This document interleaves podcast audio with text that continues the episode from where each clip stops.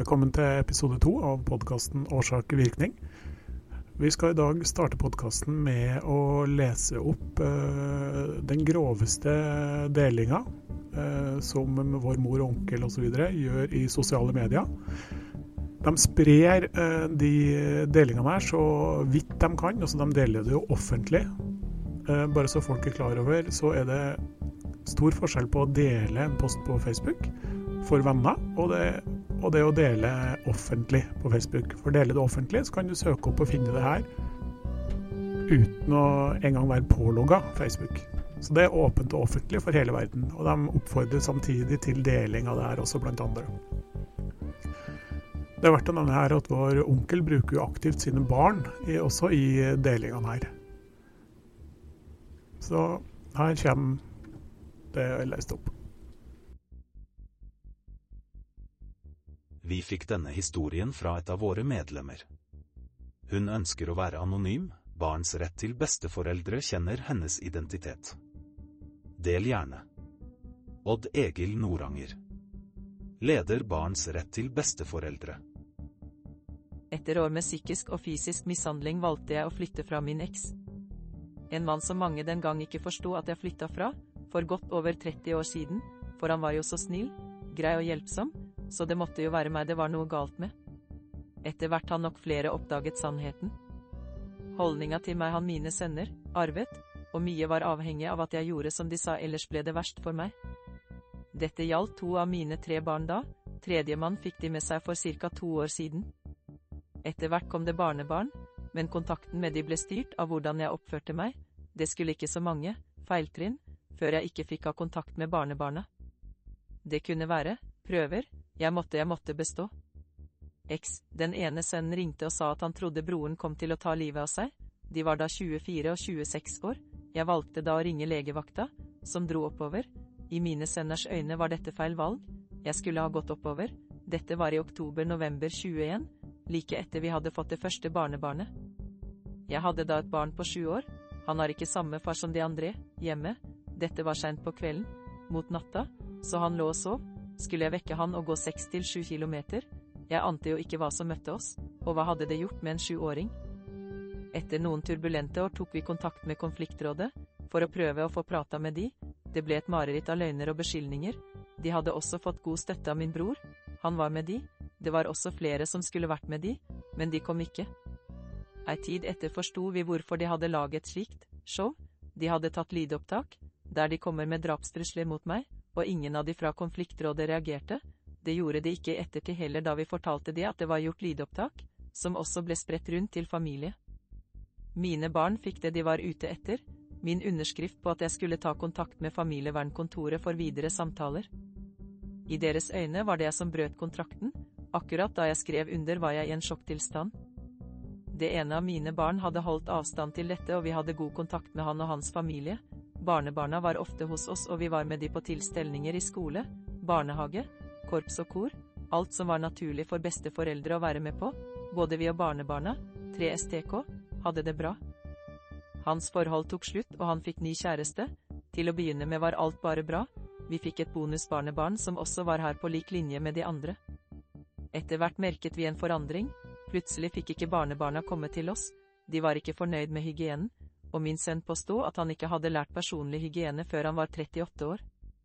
Da de giftet seg sommeren for to år siden fikk min mann beskjed fra henne, det blir bryllup, men det blir uten dere, min sønn ble rasende fordi vi ikke kom.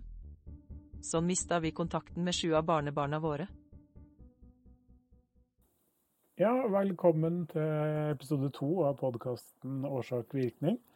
Eh, vi sendte jo forrige uke episode én. Eh, der ga vi muligheten for de vi omtaler, til å komme med tilsvar.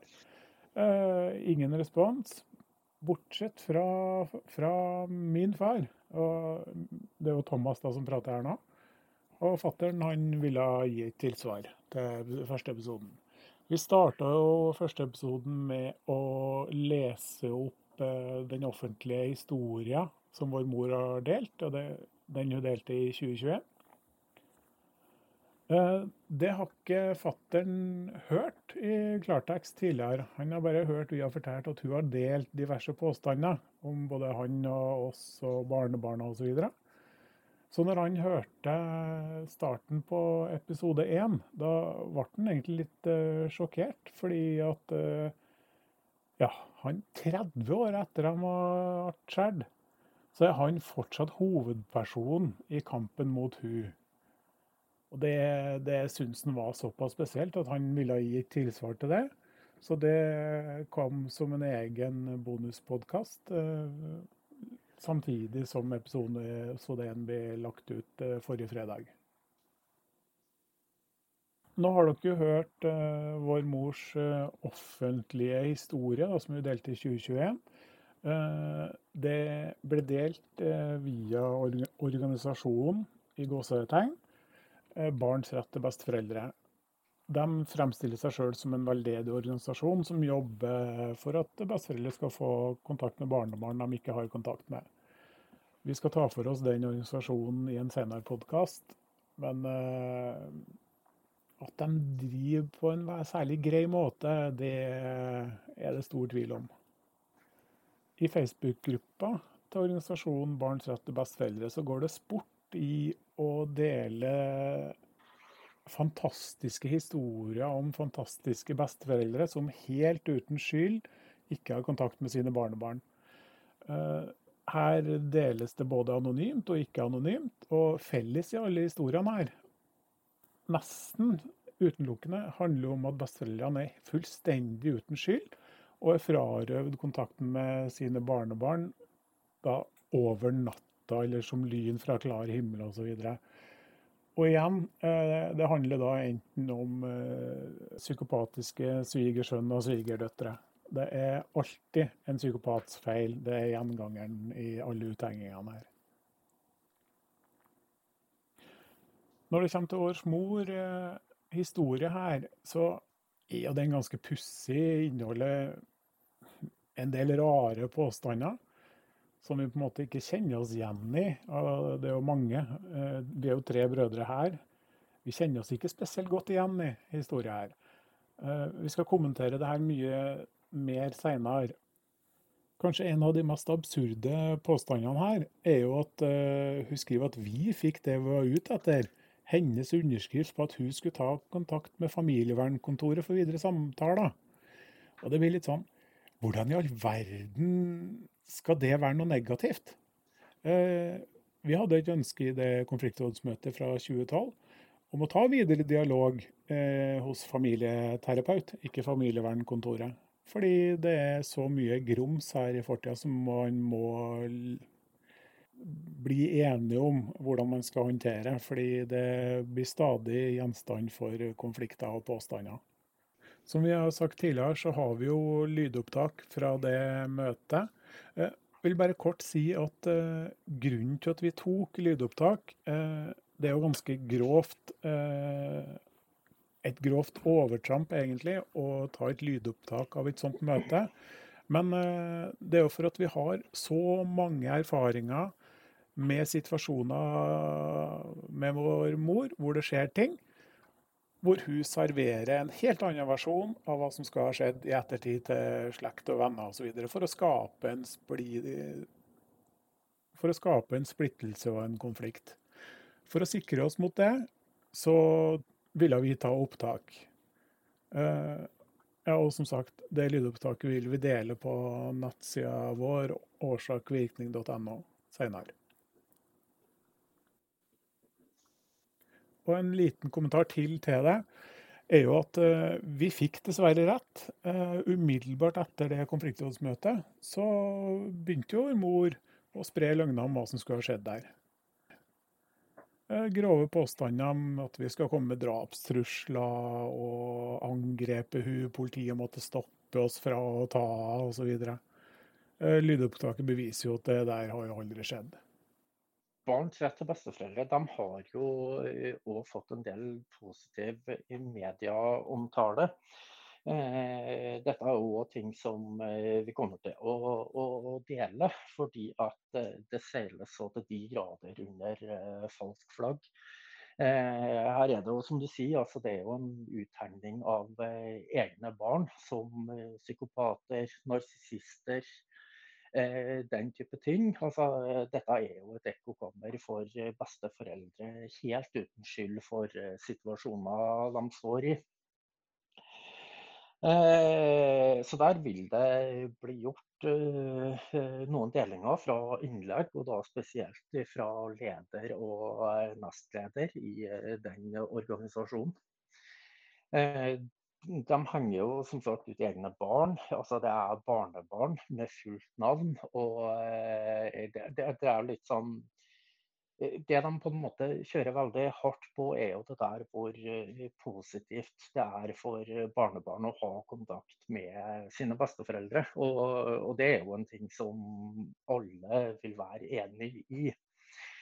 Eh, men hvis en begynner å se litt inn i den organisasjonen, så, så kan en jo stille seg noen spørsmål rundt det der på hvor bra er det for barnebarn å ha kontakt med den type eh, besteforeldre? Altså, dette er mennesker som er avhengig av at det er en konflikt for at de i hele tatt skulle kunne ha en kontakt med barnebarn. Og med det så mener jeg det at eh, her er da barnebarn nødt til å havne i en konflikt med sine foreldre. Nettopp fordi at dette er besteforeldre som eh, har en relasjon til egne barn som som gjør det umulig. Ja, det er som du sier der, at uh, de legger opp til at barnebarna faktisk må konfrontere og velge side mellom foreldrene sine eller besteforeldrene. Altså, de påstandene som kommer i den gruppa, her, de er så graverende og så inngripende i de barnebarnas liv når man ser på relasjonen de skal ha til foreldrene sine. Du har spesielt eh, lederen og nestlederen, som er ekstremt aktive og har vært det siden 2017. Eh, har delt veldig mye grove påstander om eh, sin egen datter og mannen til sin datter. Eh, det er delt veldig mange historier som ser ut som sånn solskinnshistorier, hvor de da setter seg sjøl i et ekstremt godt lys helt uskyldige og gjort alt de kan for at barnebarnet skal ha det så fint, og så er de da frarøvet kontakten som lyn fra klar himmel over natta.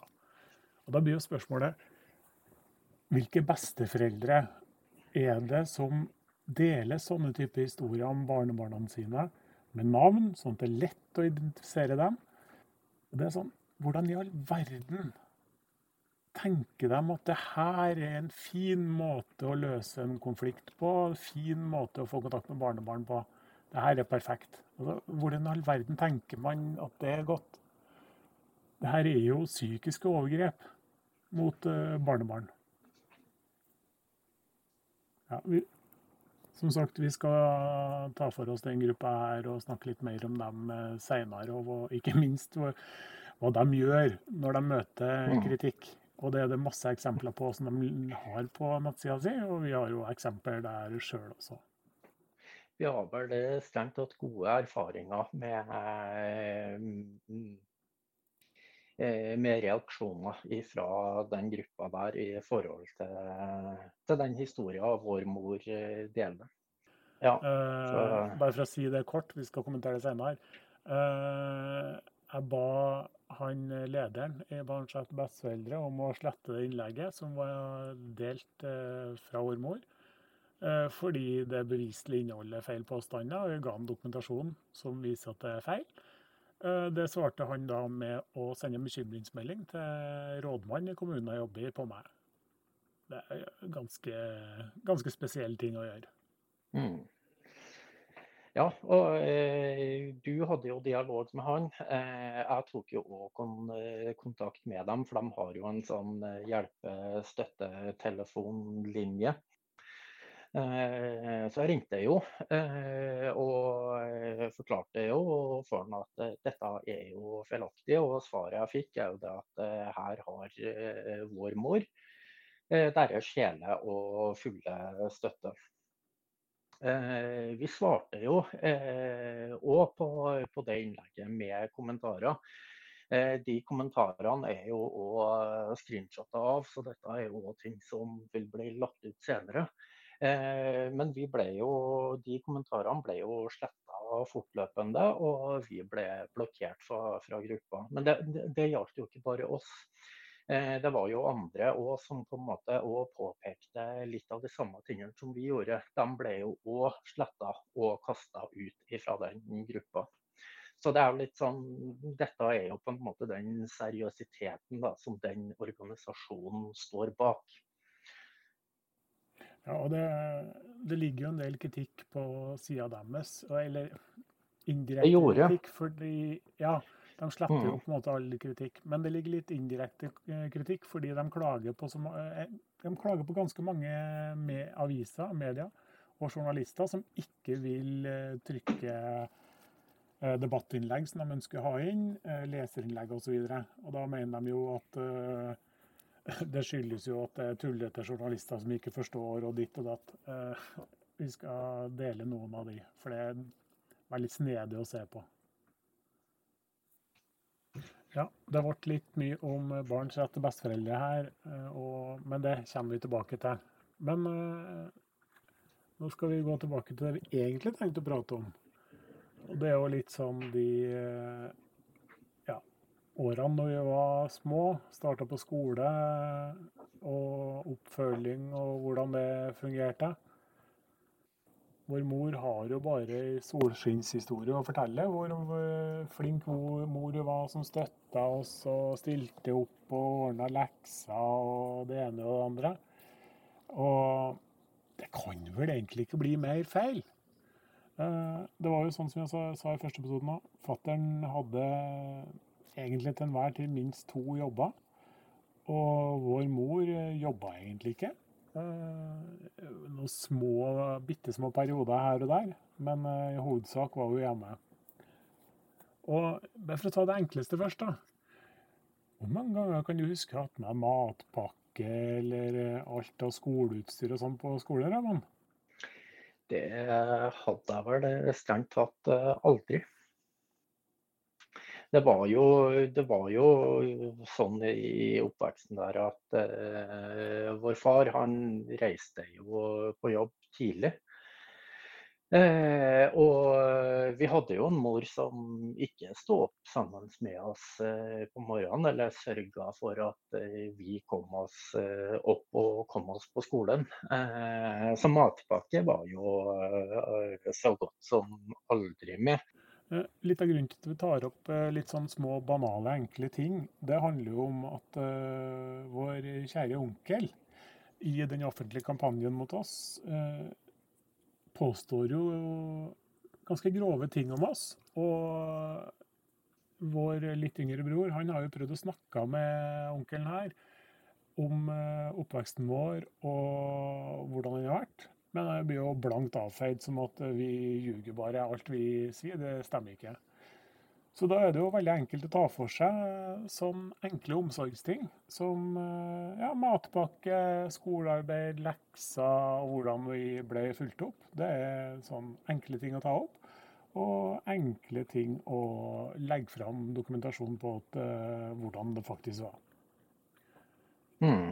For det er jo sånn som du sa, Raymond. Uh, når vi sto på morgenen. Jeg kan ikke huske altså Nå husker man jo ikke alt, men jeg kan ikke huske at eh, vår mor sto opp og passa på noen gang at vi hadde det vi trengte for å Nei. gå på skolen.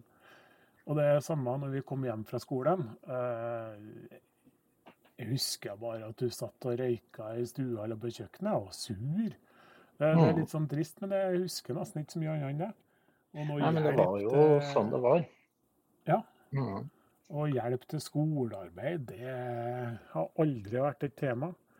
Og det er bare sånn, For å gjøre det veldig enkelt, så legger jeg ut på nettsida kommentarene i de gamle vurderingsbøkene mine. Og det er jo gjengangeren år etter år etter år der. Det er jo null lekser, null kontroll, dårlig arbeid. Eh, ja, rett og slett bare rot og glemming av lekser. Ikke gjort lekser, ikke med bøker, ikke med skrivesaker. Mm.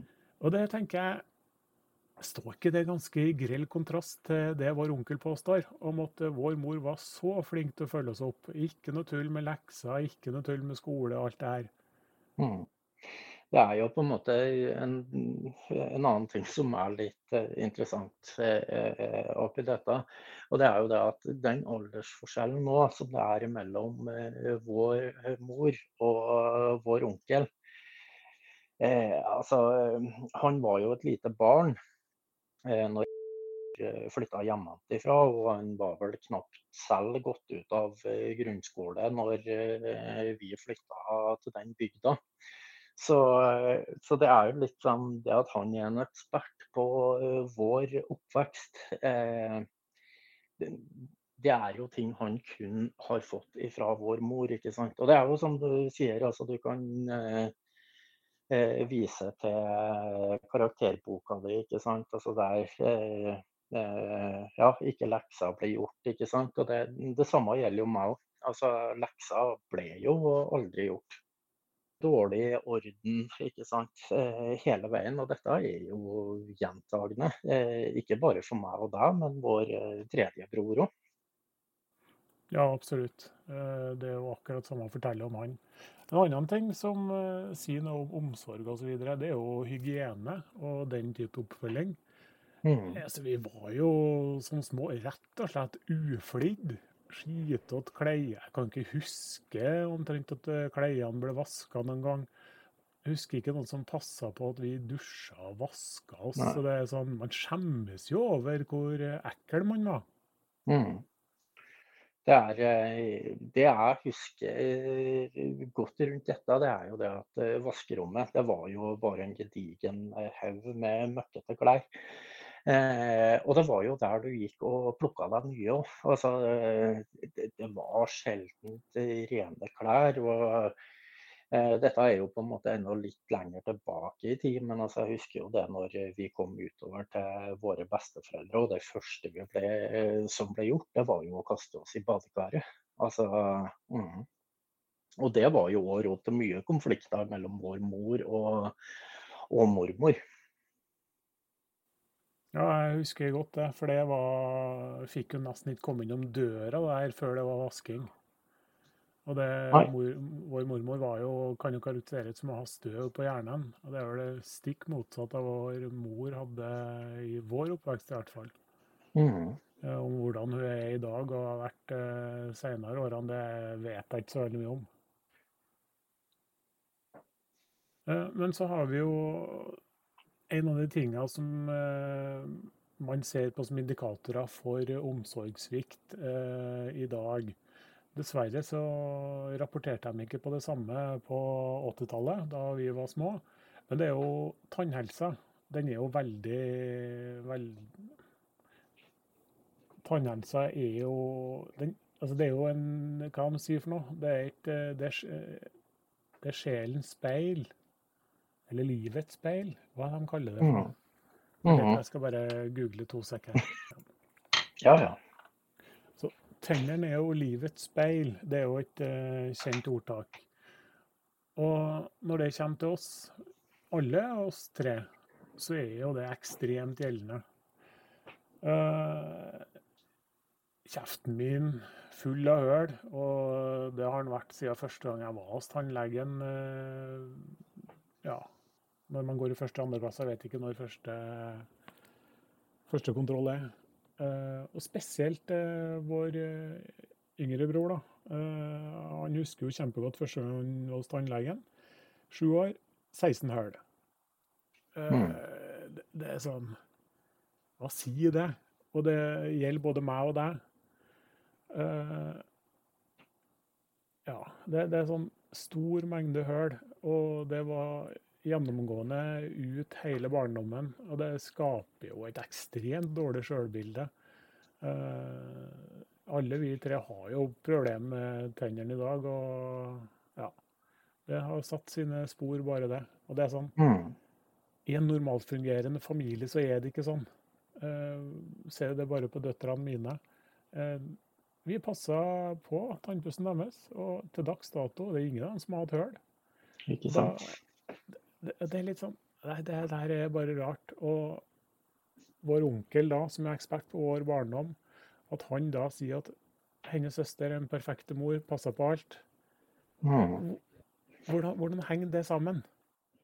Altså, det, det, det, det er jo litt snedig, for du, du, du, nevnte jo her på at uh, vår yngre bror uh, har prata med, med, vår onkel om de tingene her.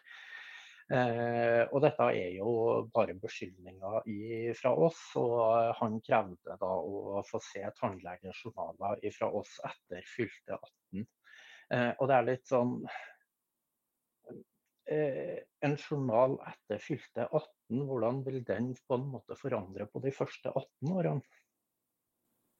Nei, det forandrer jo ingenting i det hele tatt. Nei. Eh, det er et ekstremt dårlig grunnlag å vokse videre på, på en måte.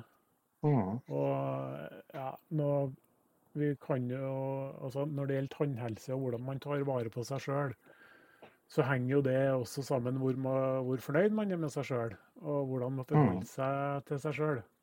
Og det er jo en av de tingene Jeg får snakke litt for meg sjøl, men det er jo en av de tingene jeg sliter mest med. Det er jo hvordan jeg ser på meg sjøl, og det handler jo mye om uh, de overgrepene uh, mor har utsatt meg for. Jeg må jo snakke for meg sjøl mm. der.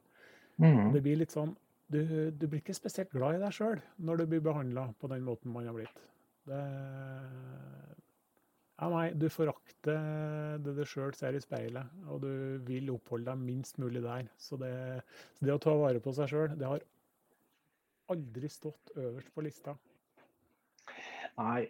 Eh, nei, og så er det jo litt sånn eh, så hvor mye ansvar kan du legge på et barn nå, ikke sant, i forhold til hygiene òg. Men det er jo veldig relevant det du sier. Og, og det å, å, se seg sjøl i speilet. Altså, det er jo ikke det du ønsker når du forakter alt hva du ser, ikke sant. Eh, dette er jo en episode som først og fremst skal omhandle skolegangen vår.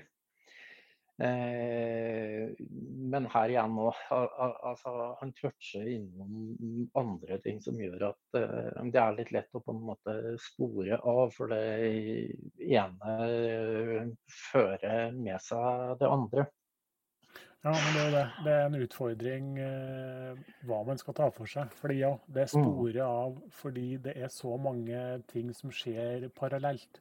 Mm. Og det er så mange ting som henger sammen med andre hendelser. Så det, det, er ikke lett å velge ut hva det vi faktisk skal nevne her, og hva vi skal prate om. Det, det er ikke enkelt. Nei. Det er eh, Ja, nei, altså For meg sjøl så husker jeg jo veldig godt eh, skolegangen min. Jeg husker veldig godt skolestart, ikke sant. Altså hele barneskole Eh, hele ungdomsskole, ikke sant. Og eh, det, det, det, jeg gjorde jo aldri lekser. Eh, det skal sies at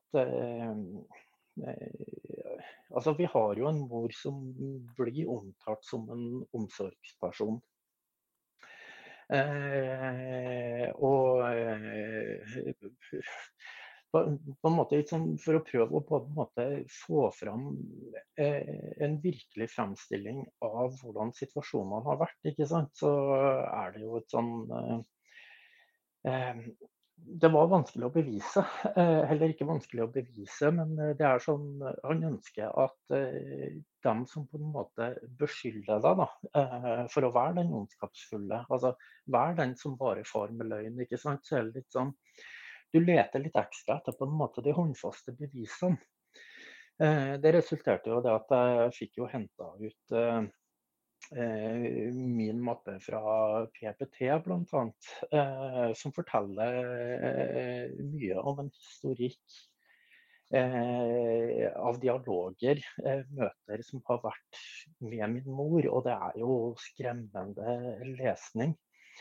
Eh, og dette er jo på en måte kan ta bare for litt kort, men eh, dette er jo eh, Vi flytta jo fra stedet hvor vi starta på skole. Eh, jeg gikk der i første og andre klasse, og dette er jo fra møter som, som er på det tidspunktet. Eh, hvor lekser ikke ble gjort. Jeg er eh, trøtt, jeg er distansert eh, ikke sant, i skolesammenheng, som resulterer i at eh, her blir det en del møter. Eh, vår far jobba jo, så eh, her er det jo mor som eh, stepper inn.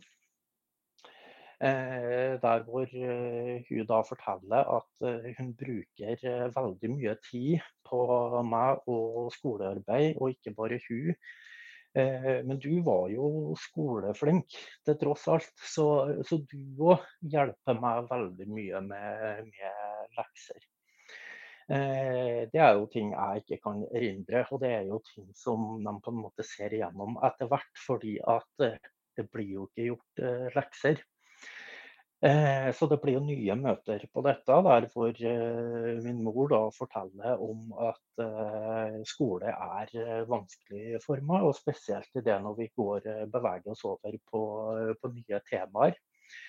Da går jeg mye i søvne, bl.a. Eh, og ennå så sitter de jo i de møtene og på en måte kjøper forteller. Eh, I et tredje møte der så framstiller jeg som eh, en rasistisk eh, person. Eh, som hun mener er til stor skade for meg. Eh, og da, etter hvert etter dette, så begynner de å ane litt ugler i mosen. For i forhold til det skolearbeidet som jeg gjør, eh, som jeg ikke gjør, så stemmer jo ikke lenger eh, ting hva mor forteller. ikke sant? Og de konfronterer med dette at eh, de tror ikke at eh, det hun forteller medfører riktighet. Eh, og Resultatet ut av det, det er at mor kutter all kontakt med skole og PPT-tjeneste den gangen. Ja, og Litt av grunnen til at det var kontakt med PPT-tjenesten og skole, var jo for at uh, du sleit litt med lesing og skriving. Det, ja, det er jo det vi har funnet ut av i ettertid, sånn sett. Mm. Ja, Eh, det er jo på en måte en sånn lengre historie der. Eh, fordi eh, som sagt, lekser ble aldri gjort. Virkelig ikke gjort. Og det var aldri noe oppfølging, leksehjelp. Altså, lekser var ikke et tema. Altså skole var ikke et tema. I en annen forstand at etter hvert som jeg ble eldre, Eh, så ble jeg jo fortalt at eh, jeg hadde dysleksi, så jeg ville aldri kunne mestre skolen. Jeg ville aldri kunne bli noen ting. Eh, dette er jo ting som mor har fortalt meg mange ganger. Så jeg gikk jo gjennom hele grunnskolen i den tro at jeg har dysleksi. Eh, I voksen alder eh, Jeg har bare lyst til å skyte inn det allerede nå, eh, egentlig. For i voksen alder så, så tok jeg en test på, på dette i forhold til dysleksi og lese- og skrivevansker. Eh, resultatet av den testen altså den forteller jo det at eh, jeg har jo ikke dysleksi, men jeg har aldri lært det grunnleggende i skolen for lese- og skriveferdigheter. Eh, og det står jo òg i stor kontrast til all den hjelpa jeg skulle ha fått med skolearbeid hjemme, ikke sant. Ja, og jeg har lyst til å legge til det at uh, vår mor påstår jo sjøl at hun har lese- og skrivevansker, og hun har aldri mestra skole. og ja, aldri Har ikke noe skolegang med resultater og så videre å vise til.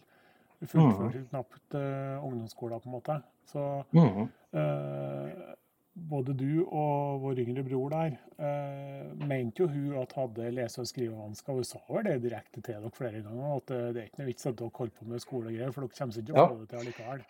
Nei, det er jo det jeg ble eh, proppa full med fra jeg var liten. Så det var, sånn, det var aldri noe poeng for meg å på en måte prøve noen ting i en skolesammenheng heller. ikke sant? Altså, Skolen for meg var jo friminutter.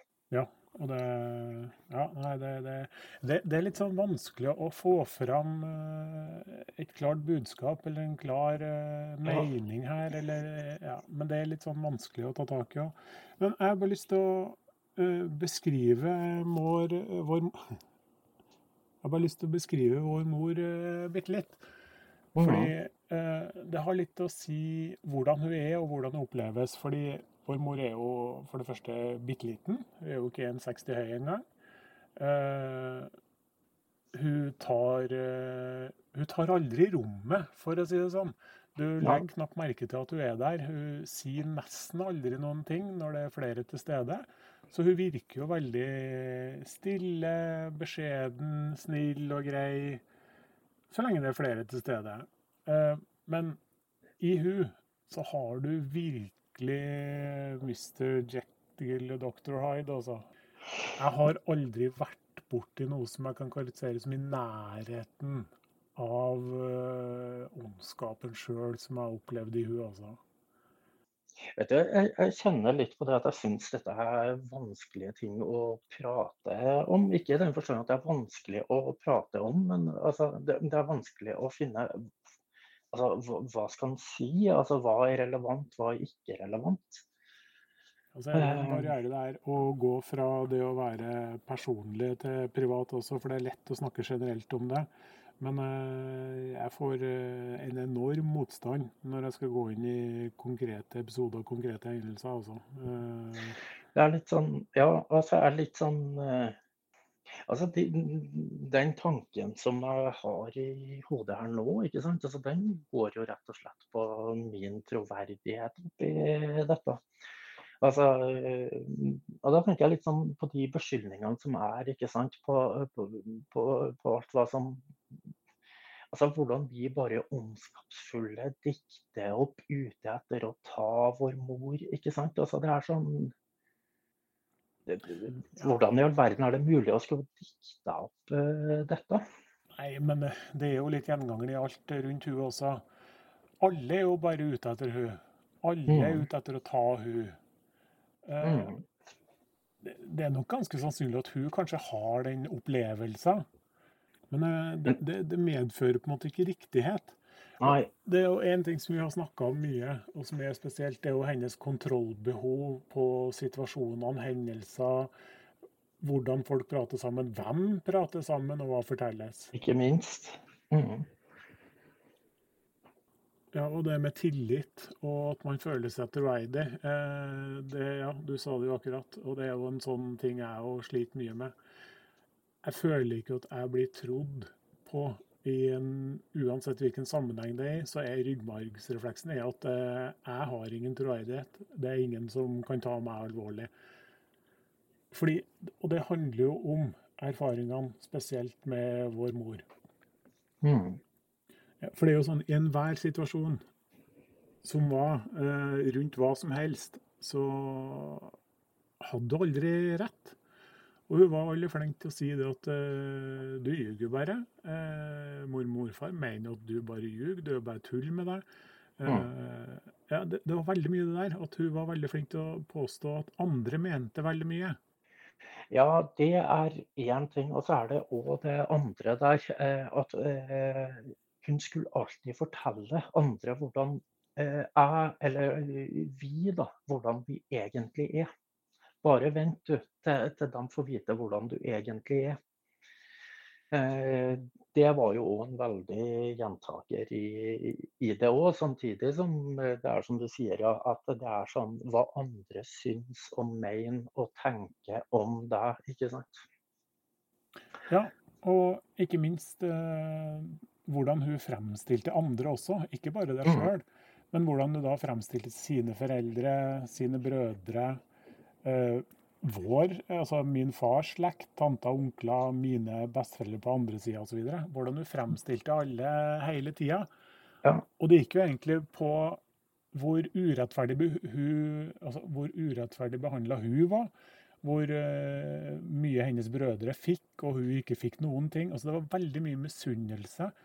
Mm. Veldig mye baksnakking veldig mye ja, snakking om andre da, på en sånn måte at du, du skulle ikke ha tillit til dem heller. Nei. Fordi var, hun hadde jo bare dritt å fortelle om dem, og hun hadde jo mm. bare mm. det å fortelle at dem hadde jo altså, De mente jo bare dritt om oss også. Mm. Det, er sånn, det er spesielt å gå i en sånn hverdag år etter år etter år. Uh, ja. ja.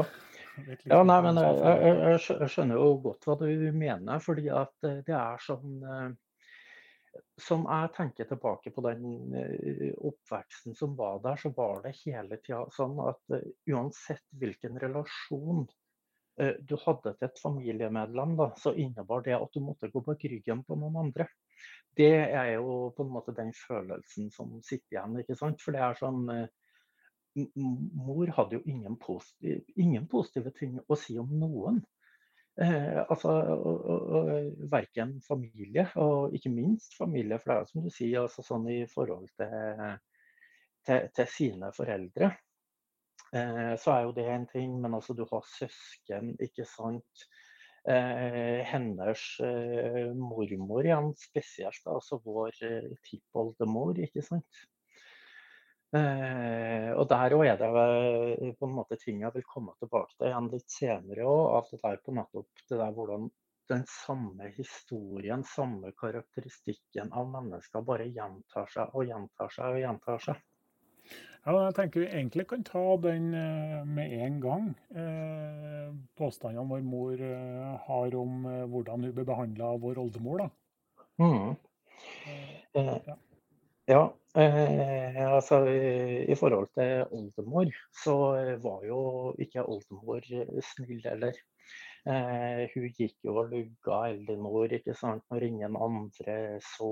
Altså det var blikk eh, altså Oldemor var et menneske som gjorde hva hun kunne for å eh, ja, å, å tråkke rett og slett på, på vår mor. Ja, det var mye der. Og det er jo da igjen der også hvor mye bedre hennes brødre ble behandla, eller spesielt Ja. eh, han som er jevngammel. Det var liksom Mm. ikke måte på hvor mye de fikk, og, eller han fikk, og hvor lite hun fikk. Ja, det var Ja, hun opplevde enormt stor forskjell. Mm. Og det er jo Hun har jo et ekstremt mindreverdighetskompleks og en veldig stor misunnelse på andre. Mm. Eh, Det der med lugginga som du nevner, Mm. det, det, den er Vi ble jo litt overraska der for en par år siden. Eh, når vi snakka med et søskenbarn av oss som, eh, som hadde fått hørt det ru- rundt påstandene mor har om hvordan eh, min far Ja. eh, Da utsatte hun for eh, fysisk og psykisk terror og sånn. Og da, hun forteller jo akkurat det der da, at han skulle liksom gått og lugga hun da, Mm. i ny og ne. For å liksom Ja, altså- drive psykisk terror. Ja, altså dette var jo i det sosiale familiesammenkomstene, skulle jeg til å si. Altså, da var det jo på en måte vår fars kontrollbehov overfor henne, da, som eh, var på en sånn måte at han gikk og lugga hun når ingen så, ikke sant. Altså, det var den samme historien eh, en gang til. Ja, og det er jo som du sa i første episode nå, det, hun bruker veldig mye de samme løgnene og forteller mye de samme historiene om de ulike menneskene hele tida her. Mm. Og det klarer, eller kommer hun unna med fordi at hun setter opp folk på en sånn måte at de nekter å ha tillit til hverandre, og nekter å tro på hverandre, og ikke minst nekter å snakke med hverandre. Ja, eh, altså det er jo på en måte det, det hun på en måte lykkes med. Eh, for det er vel òg, som jeg sa i første episoden der, at eh, ingen av oss på en måte har egentlig noen gang vært i en konflikt med mor. Eh, altså Hun er på en måte den som drar i trådene i bakgrunnen, og så har du de eh, menneskene sant, som skal forsvare henne. Eh, og de tror jo oppriktig på hva de har blitt fortalt. Og vi har jo, eh, verken vi eller andre, da, har noen troverdighet. ikke sant? Så det er sånn eh, Så lenge vår mor da ikke blir konfrontert med dette, så er alle andre bare farlige. Alle er bare ute etter å ta. ikke sant? Altså Det er et ondskapsfullt spill. altså Dette er et ledd i en mye større konspirasjon. ikke sant? Altså det er så absurd. Ja, det er veldig absurd, og jeg har brukt mange, mange, mange år på å prøve å forstå hva egentlig som har skjedd. Eh, Mhm. Fordi man hører jo om eh, mange vanskelige oppvekster og mange vanskelige hendelser, Men veldig mye av det er altså, jeg hører hjemme i familier hvor en eller begge foreldrene sliter med rus, alkohol, narkotika osv. Mm. Og det absurde her har vært at det har ikke vært noe sånn problematikk. Så det er liksom Man kan ikke forklare det eller forstå det med et sånt grunnlag. Her er grunnlaget på en måte, i hvert fall for meg, uforståelig. Og jeg jeg har bare lyst til å ta opp sånne småting nå. Eh, du sier jo det der at eh, hun hadde et veldig stort behov for å ha kontroll på hvordan mennesker var, og hvordan de oppførte seg. Mm. Eh, og hva de trodde med hverandre. Og Jeg skal bare touche så vidt innom det her nå. Men en av måtene hun hadde kontroll på meg på, det var jo hvis vi f.eks. skulle kjøre ut til mormor og morfar og besøke dem. Og mm. hun eh, Jeg vet ikke hun, hvordan hun tenkte, men uh, hvis hun da skulle ha noe fra dem, eller ha ja, Hvis hun hadde behov for noe, mm. så var det jo gjerne å bruke meg som en umulig unge jeg, for å klage på noe eller fortelle noe eller et eller annet. Men mm. typisk i de situasjonene var bilturen ut dit, og det som skjer i bilen. Fordi mm. man sitter jo der ja, i fred og ingen fare, på en måte, og plutselig så eksploderer jeg.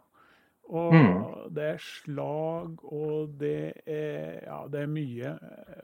Bare helt ut av ingenting.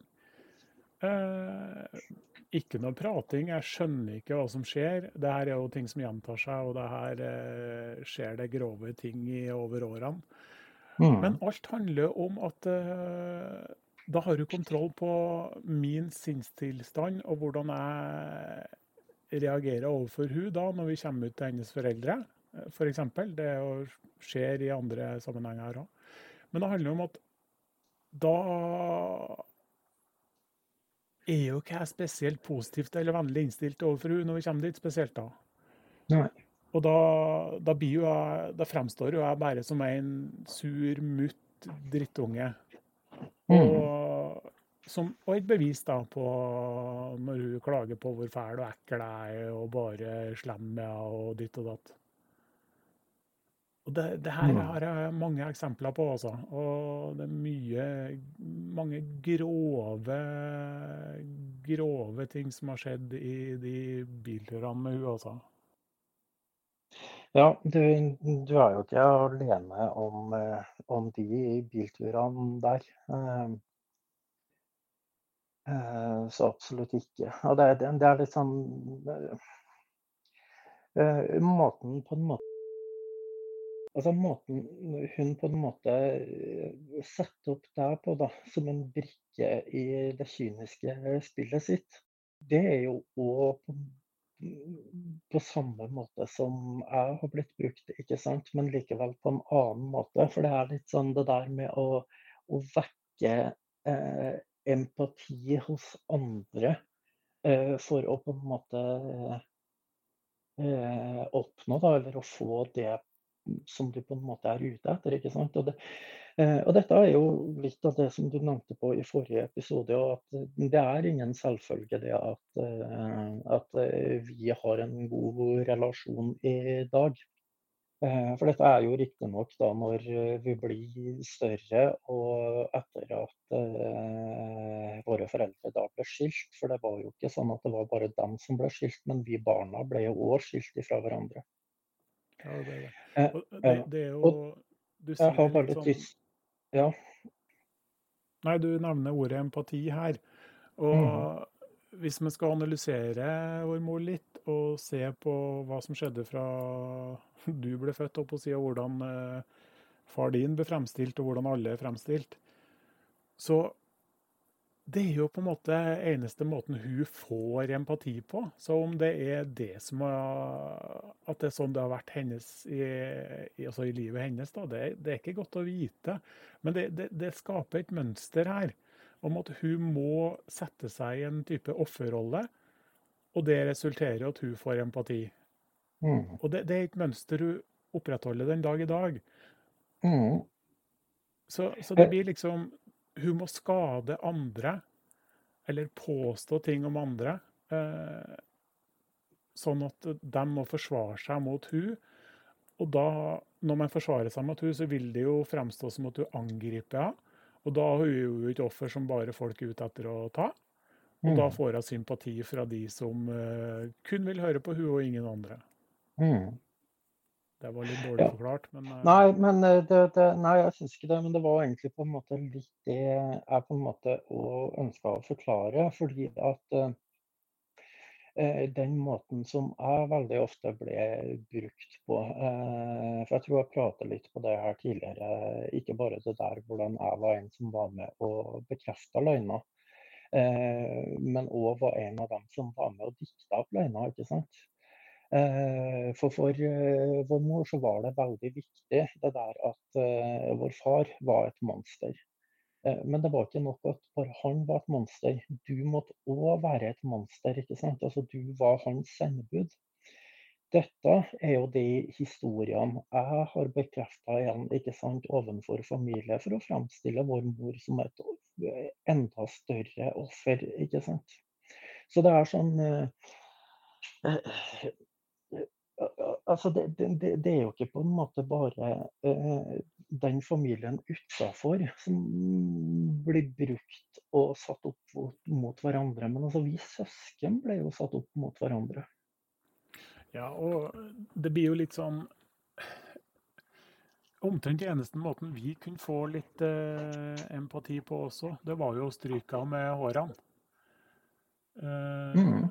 Var du jo snill og grei og tok på deg all skyld i alle situasjoner, så eh, kunne jeg jo glimte til og kanskje være litt grei, liksom. Men det Mm. var kun når eh, hun sjøl hadde noe igjen for din oppførsel. Ja. Og da er det jo sånn som spesielt du sier, du hadde jo noe å profitere på, og Ja. backe opp under hennes eh, løgner, og være med Mhm. og dikte nye. Da fikk Mhm. du innpass og tilhørighet til en familie. Ja, og det var jo det jeg søkte, og det jo, er jo det jeg har søkt i mesteparten av mitt voksne liv òg. Altså det å, å bli akseptert av de menneskene som på et tidspunkt faktisk betydde noen ting for meg. Eh, men det er jo et sånn Den relasjonen som jeg har hatt til familie, altså den har jo hele tida vært kontrollert ut av hva jeg forteller, ikke sant. Det Ja, og det der er litt spesielt, fordi hvis man ser tilbake på det livshistoria hennes som hun delte da for to år siden, mm, så skriver hun jo det at uh, hun påstår at hun blir satt ut på prøver, og at det styrte om hun hadde kontakt med barnebarn eller ikke. mm, Der er det igjen. Uh, På seg sjøl kjenner man andre. Fordi Ja. jeg vet ikke om noen jeg, som har mista besteforeldrene og kontakten med familien så mange ganger som vi har, blitt, vi har gjort. Og Nei. Kanskje spesielt eh, meg, da, fordi eh, jeg protesterte jo ofte på ting hun fortalte. Og Mhm. jeg var jo ikke spesielt vennlig innstilt mot henne, fordi jeg har jo vært det sorte fåret for hun hele veien. mm, Jeg har jo vært den hun har brukt som eh, skyllebøtte, syndebukk, eh, ja. Og som du sa, styrt og manipulert av far min. Eh, Det har Mhm. jeg jo måttet forsvart meg mot så mange ganger. Jeg er jo bare satt opp med og løgner og påstander av han. Er Ja. sånn, eh, Nei, jeg har aldri gjort det. Jeg har bare fortalt Ja. det jeg har sett med mine egne øyne og sett det, og det jeg har opplevd sjøl. mm. Det, det er bare litt sånn Jeg har på en måte bare lyst til å komme med en sånn der, eh, liten tilleggskommentar til akkurat dette. Eh, fordi at dette går jo på mye av de delingene man gjør i sosiale medier. Det er, altså hvilke mennesker det er som bruker sine barn. Altså hvilke mennesker som ikke elsker sine barn. Ikke sant. Og det er litt sånn eh, nå- nå- Når har hun vært en mamma? Når var hun en omsorgsperson? Altså, jeg tenker sånn, eh, Når de ble skilt, du var jo fortsatt et barn. Eh, og hvis hun da oppriktig mener det hun fortalte om eh, din far eh, Hvis mennesker virkelig trodde på det jeg fortalte om din far, så, så var vel du strengt tatt et barn som virkelig trengte omsorgspersoner i livet ditt. Så det at de fullstendig og bare overlater deg da alene til en person som er en farlig psykopat. Det, det sier vel kanskje mer om uh, henne som en mor. Eh, og, og, besteforeldre òg, ikke minst. Altså ut ifra hvilke handlinger som de faktisk eh, gjør. Ja, det Her må det jo legges til at de gjorde det de kunne for å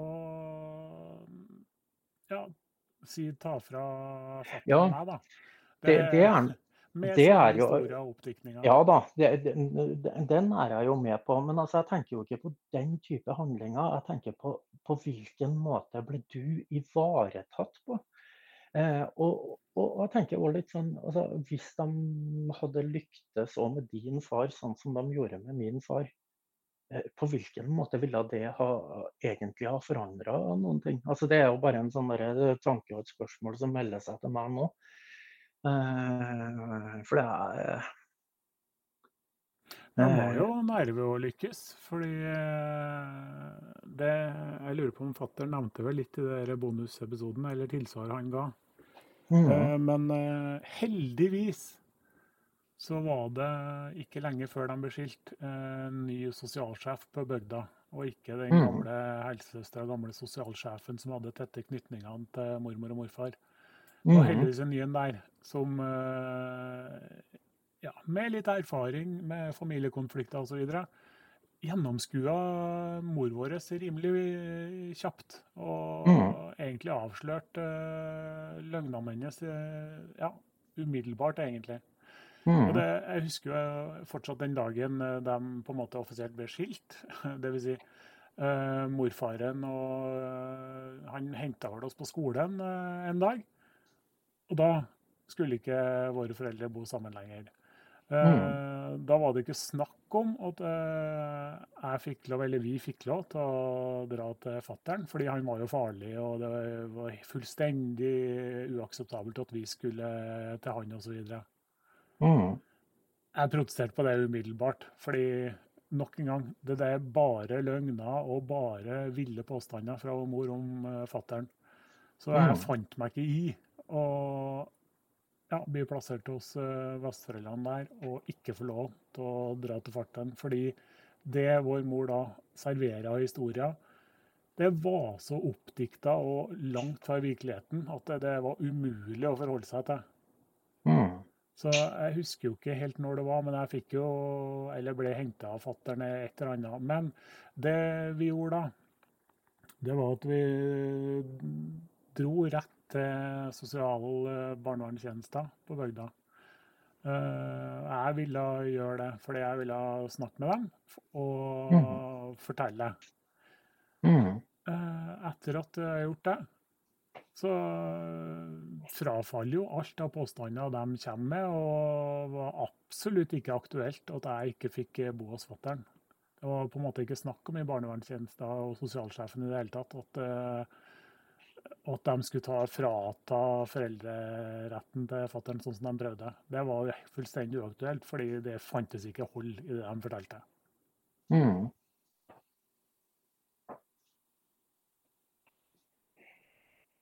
Men eh, det, det er ganske drøyt at man som eh, barn må gå i sånne type kamper mot mor si. Men det, det er kanskje ikke kjempeuvanlig heller at eh, foreldre i konflikt eh, påstår veldig mye om hverandre. Men, eh, men. Nei. Det er så vanskelig å sortere i det der på hva er relevant, hva er ikke relevant. ikke sant? Altså, Ja, jeg tenker eh, eh, en av de tingene som er hm, snedig, og hvordan på en måte falske minner kan eh, ja. skapes også.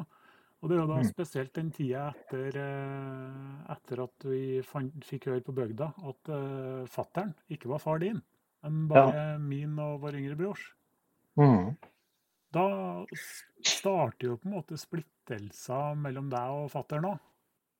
Ja, og så eh, Det er faktisk en av de tingene som jeg tenkte litt på her nå når du prata òg, fordi at eh, I den delinga vår mor gjør av på en måte sin livshistorie, som ble lest opp i sin helhet og nå i starten av den episoden her, så forteller hun jo det at eh, først så var det på en måte hennes to sønner, ikke sant. Og etter hvert fikk vi med oss den tredje òg. Dette stemmer jo ikke. Eh, altså når de ble skilt, så mista jo jeg all kontakt eh, med det som har vært far. Jeg, fikk ikke ha noe kontakt heller. Eh, så dette var jo, var jo ikke mitt valg, ikke sant. Eh, jeg var jo hennes alliert, og når du prater nå på det der med falske minner Falske minner er jo eh, en ting som har vært en stor del av min behandling i voksen alder. ikke sant? Nettopp fordi at eh, jeg har konkrete minner ut av ting jeg bare har gjentatt mange nok ganger. Jeg er helt usikker på hvordan jeg skal fortsette den. Nei, men det handler jo litt om uh, hvordan du på en måte får innpass hos ja, besteforeldrene og ja, så, er med på å dikte opp og. Spesielt. Altså, jeg hadde jo bare alt å vinne på dette, ikke sant. Altså, jeg er sånn, det, det høres jo kanskje sjukt ut, men altså, jeg ble jo på en måte premiert Eh, når jeg gjorde det andre ønska. Eh, ikke minst av min mor òg, ikke sant. Altså, jeg følte jo det at jeg faktisk betydde noen ting når jeg gjorde de tingene. Eh, og, og, dette høres jo kanskje rart ut, men altså, du vet, når de ble skilt altså, Vi ble satt opp mot hverandre òg. Eh, og selv om vi har en god relasjon i dag, sant, så måtte jeg på en måte være med på en ting som Ja, det, jeg vet ikke om eh, eh, altså, Det var nok ikke noen ting jeg ønska, men der og da så var det på en måte helt greit. Eh, det er det, det Nei, eh, jeg kjenner akkurat eh, dette kjenner jeg litt ah, Nei, men du har jo snakka om tidligere når vi har prata sammen, at uh, du har jo gått en god skole. Om hvordan Jeg har gått en veldig, veldig god skole i hvordan du utnytter mennesker, hvordan du manipulerer mennesker. Det, dessverre. Og det er sånn Å, kjenner jeg får jeg Å, jeg trodde ikke dette skulle være vanskelig å prate om. Men eh, nei, det, det er som jeg har sagt på tidligere, at jeg gikk en jævlig god skole når det kommer til rett og slett det å være kynisk. Rett og slett kynisk utnytte mennesker til egen fordel. Ja, men det er jo det man har sett gang på gang fra vår mor også. Hvordan hun utnytter andres svakheter påstår ting altså, Hvordan hun da gang på gang setter seg i en offerrolle. Stakkars hun, for hun har opplevd så mye ekstremt. Mm.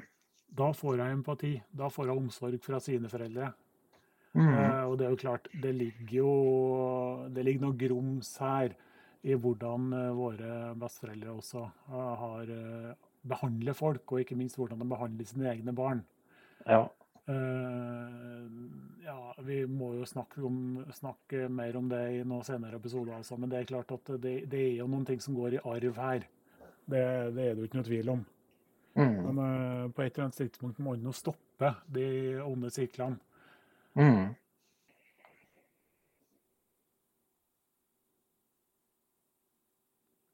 Uh, alle har jo på en måte grunnleggende ønske om å ha tilhørighet, og spesielt tilhørighet i egen familie. Få omsorg av foreldrene sine. Det er jo et primærbehov et barn har også. Ja, eh, men jeg har bare lyst til å, å, skyte inn en ting nå òg, for det, tror jeg kanskje passer seg å, å fortelle nå. Eh, når vi først prater om de tingene som vi gjør. For nå har vi nå allerede prata litt om eh, faren min. Eh, ikke nødvendigvis hvem han var, men eh, hvilke eh, slekt, ikke sant. Altså, eh, jeg har jo hatt en oppvekst der hvor min mor kaller meg for en horunge. Eh, eh, det er nå på en måte den ene tingen, men òg den skammen det har vært i familien ikke sant, av at de genene på en måte har blanda seg inn, om man kan si det på den måten. Gjør jo det at uh, dette er jo ting som har blitt brukt imot meg hele veien nå. ikke sant? Altså, uh, veldig mye har skyltes arv fra far hvis det har vært noen ting. ikke sant? Så det er sånn, jeg har hatt et så enormt behov da, eh, og jobba så iherdig og hardt i så store deler av livet mitt bare for å bli akseptert. For jeg har jo aldri vært bra nok eh, sånn som jeg har vært. Nei, og det gjelder jo oss andre brødre nå. Vi har jo aldri vært bra nok. Men spørsmålet er har vi egentlig vært det eller ikke? Fordi vår mor har jo vært veldig flink til å si at vi ikke er bra nok og ikke verdt mm. noen ting, og at andre også mener det. Jeg har jo hørt det mange ganger at både mormor og morfar mener at vi, ja, vi er dårlige mennesker. Drittunger, rett og slett. Ja, det, det, det, ja, det er nå på en måte én ting, men det, er sånn Jeg har lyst til å spørre deg om én ting. Har du noen gang opplevd å, å få trøst ifra mor? Eh, har du noen gang hatt en mor som har kommet og holdt rundt deg når du har trengt det? Nei, nei, det har overhodet ingen erindringer av noe som skulle ligne på omsorg fra hun også. Nei, og det, det, er jo eh. litt artig òg, fordi eh, når vi sitter i konfliktrådsmøtet i 2012 her, eh, mm. så stiller jo hun ene konfliktrådsmegleren vår mor et ganske artig spørsmål. Eh, etter mm. å sitte observert veldig lenge. Da spør jeg jo rett ut sånn Er du egentlig glad i ungene dine? Mm. Det svarer jeg jo ikke på. Vi vet jo svaret på det. Jeg gleder meg eh, til vi skal ta for oss det møtet i det konfliktrådet. Eh, og det er så merkelig òg. Det, det, dette blir jo en veldig avsporing. Eh, men det er så merkelig fordi at det konfliktrådsmøtet Eh, det har så stor rot i den historien de forteller. Eh, de bruker dette, for de har jo òg eh, det lydopptaket. Altså, de har jo fått tilgang til det. og det er jo litt sånn, De bruker jo bruddstykker ut av dette for å fremstille eller for å fortelle en historie, ikke sant. Men de kjemper jo, og, og, og, dette er jo på en måte deres bevis på deres fremstilling. Samtidig som de jobber med nebb og klør for at uh, det lydopptaket her aldri, for enhver pris, ikke må komme fram. Ikke sant? Ja. Det er, veldig Det er mye rart rundt det der. Ja. Nå føler jeg meg bare sånn liten og dritt, rett og slett. Nei, nei. Det... Men, um, nei, men det, dette er på en måte egentlig en sånn uh, snedig ting. fordi at uh, altså, vi, vi, begynner jo på en måte å dra litt på alderen. Eh, og du har nevnt litt på denne rygg, ryggmargsrefleksen, ikke sant. Eh, og dette er på en måte den store kontrasten som er oss begge to i dag. ikke sant? Og Det er på en måte hva hjernen forteller oss i ting. Det andre er hvordan kroppen faktisk reagerer på ting. ikke sant? Mm. Altså Hvordan hode og kropp fullstendig er atskilt i forhold til et reaksjonsmønster. Ja, ja. Det er ganske ekstremt. Det... Mm. En av de tingene eh, jeg tenkte på som kunne vært fint å, at du prata litt om, det er jo eh, det som antagelig blir brukt som hovedbeviset da, på at eh, fattern er farlig og psykot, ikke psykotisk, men psykopat og livsfarlig og alt det her. Det er jo mm. noe du forteller om i konfliktrådsmøtet, som eh, ja. du dessverre ikke fikk fullført. Ja. Mm. Jeg tror du skjønner hva jeg sikter Ja, jeg skjønner veldig godt hva du sikter til. fordi at dette er jo en ting som eh, En hendelse og et utsagn fra meg som de faktisk bruker. Eh, tenker du jeg skal fortelle om dette nå, eller? Ja, eh, jeg tenker det, det kan passe veldig fint, egentlig. Ja. Dette har jo veldig mye sammenheng med den kranglinga som er hjemme. eh, veldig mye den fysiske volden som eh, mor utsetter meg for. Eh, dette går så langt, si, eller sånn, eh, dette må jeg også fortelle først. Eh, for det, det du forteller om de bilturene, de kjenner jeg jo meg veldig godt i, igjen i. Det er nesten sånn at en burde gå så langt og si at når vi skulle ut på biltur med henne, så skulle han ønske han hadde hjelm på seg. Ja. Jeg vil bare si en ting først der.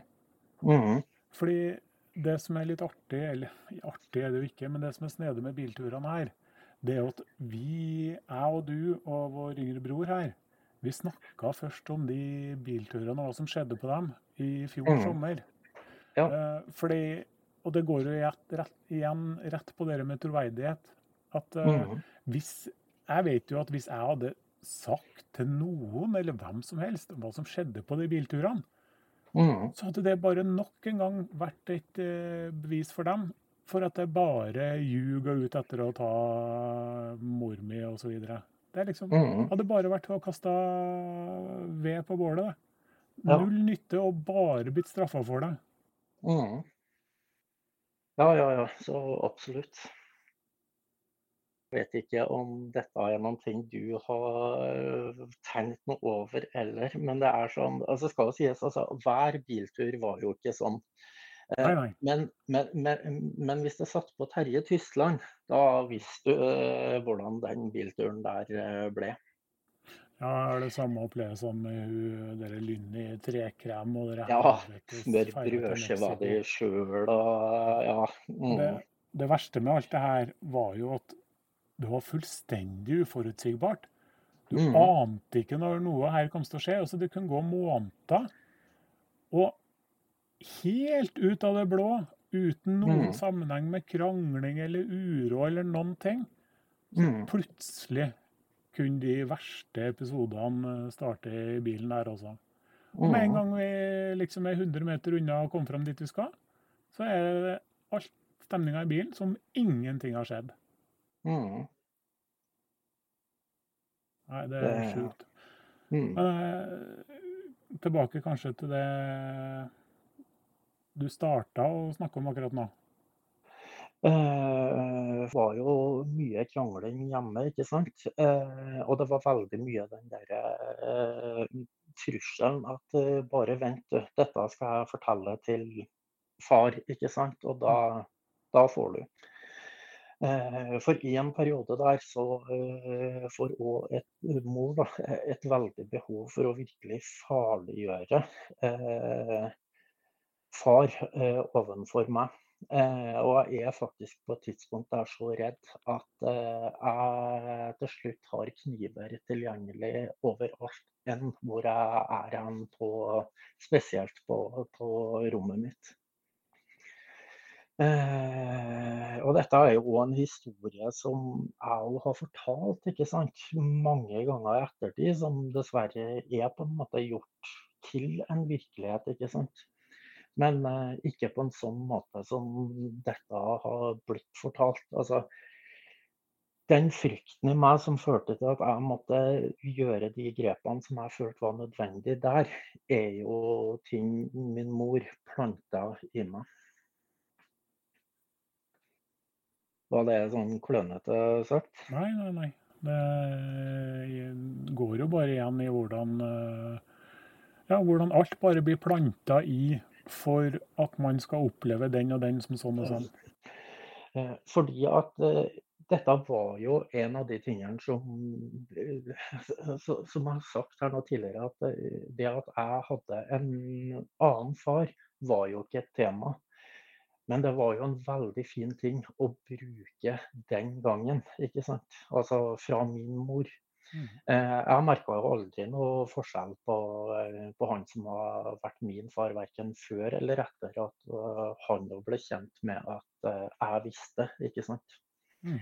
Så det er sånn det er litt sånn snedig på én måte. Eh, Ikke sånn snedig, det er, altså, det er sånn teit ord å bruke. Men jeg tenker sånn i den tida etterpå, de brikkene vi har vært, de rollene vi har fått, liksom. Altså, det, det, det, det, er så sjeleløst, rett og slett. Altså, det er nå én ting det at hun med god samvittighet tar ifra meg en, en far òg, ikke sant.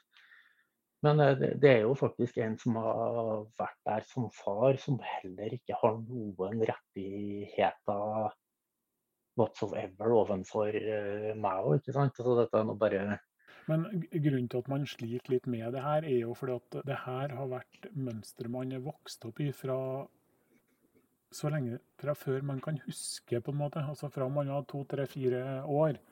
Mm. Så er jo mhm. det her noe man er utsatt for uh, periodisk flere ganger i året. Mm. Uh, og det, det, er en uh, Jeg vil si at det er en stor psykisk på Stor psykisk belastning som skaper noen sår. Mm. Som kan ta tid å lege. Og ikke minst når hun gjør det hun kan for å opprettholde eh, de påstandene og løgnene sine, og kommer med nye hele tida. Mm. Senest mm. nå, bare for en par måneder siden, liksom, så er det å servere de løgnene om mine barn da, i sosiale medier. Ja. Det, det, er sånn, Hun gir seg aldri. Nei.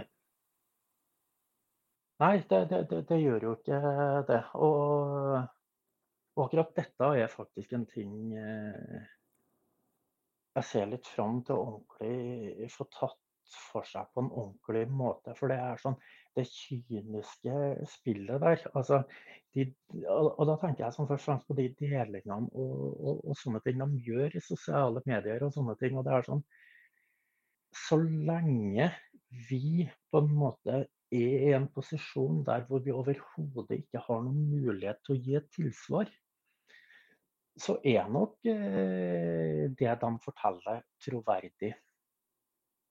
Ja, altså Utfordringen er at vi prøver å gi tilsvar, men uh, da ja, det, har de jo bare bevist på at det er jo bare psykopater som gir tilsvar og påstår ja, ja, at det finnes en annen virkelighet. Ja, ja, ja. Altså, det er jo bare oppskriften på å prøve å manipulere, det å fortelle at eh, nei, det her skjedde ikke, det var noe annet. Mm. Nei, altså, ja. Det, og, og, det er jo på en måte det jeg prøver å pakke inn liksom, litt fint uten å fortelle. Eh, men det blir moro eh, den dagen når man kommer dit her når man skal begynne å se på de handlingene de har foretatt seg i sosiale medier, og, og, hvorfor de gikk over til å dele i sosiale medier sånn som de gjorde. For dette er ikke noe som bare skjer ut av det blå det er gode grunner for at eh, de har gjort det de har gjort. Og det er jo som du sier, altså, De har jo alltid fått tilsvar på det de har gjort. Den store forskjellen er jo det at i den grad noen, og da spesielt du, har gitt dem et tilsvar, så har jo i hvert fall du hatt baller nok til å konfrontere dem direkte. Eh, og det er jo en ting som de ikke har tålt. ikke sant? Og Derfor har jo de en advokat her nå som på en måte sitter imellom og legitimerer da, eh, de handlingene de gjør. Eh, så det er, sånn, det er en helt absurditet. Og, og, og den tidslinja som jeg tror vi prata litt på, sånn som var viktig for meg i forhold til det når jeg satte opp den eh, sida Eh, nettsida årsakvirkning.no, så var jo dette nettopp for å belyse på hvilket tidspunkt er det de gjør de delingene. òg. fordi at de delingene som skjer, det er tilsvar på svar de får da i hovedsak ifra der. ikke sant? Så det er en kommunikasjon her, men det er en kommunikasjon som er skjult for omverdenen.